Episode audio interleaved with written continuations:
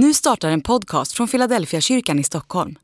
Om du vill komma i kontakt med oss, skriv gärna ett mejl till hejfiladelfiakyrkan.se. Dag 293. Mördarapor eller avbilder. Gud sa, vi ska göra människor som är vår avbild, lika oss. De ska härska över havets fiskar, himmelens fåglar, boskapen, alla vilda djur och alla kräldjur som finns på jorden. Första Mosebok kapitel 1, vers 26.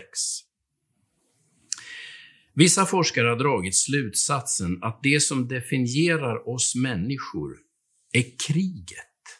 Inte sympati, kärlek och medmänsklighet. Man säger att evolutionen har format människan till en mördarapa.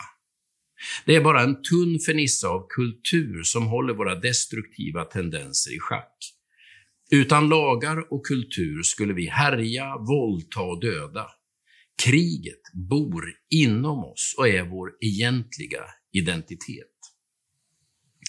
Det är en dyster syn på människan som beskriver oss som innerst inne onda och som tycks ha rätt mycket av den empiriska vetenskapen på sin sida.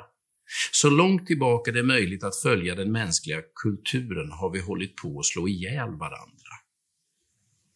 Bibeln beskriver inte oss människor som mördarapor, utan som Guds avbilder. Vårt ursprung är inte krig, våld, konflikt och konkurrens. Men parasiter har trängt sig in i den mänskliga historien och har långsamt ätit sig in i alla mänskliga relationer. Så var det inte från början. Gud skapade människan och tittade på sin skapelse. Gud såg att allt som han hade gjort var mycket gott. Första Mosebok kapitel 1 och vers 31. Det betyder att godheten hör till själva kärnan i skapelsen. Det ursprungliga mönster som Gud har vävt in i alla människor andas sympati, medmänsklighet, skönhet och frid. Du är inte skapad till mördarapa, utan som Guds avbild. Använd denna dag till att se på människor som Gud gör. Varje människa är skapad för att återspegla Guds storhet, godhet och skönhet.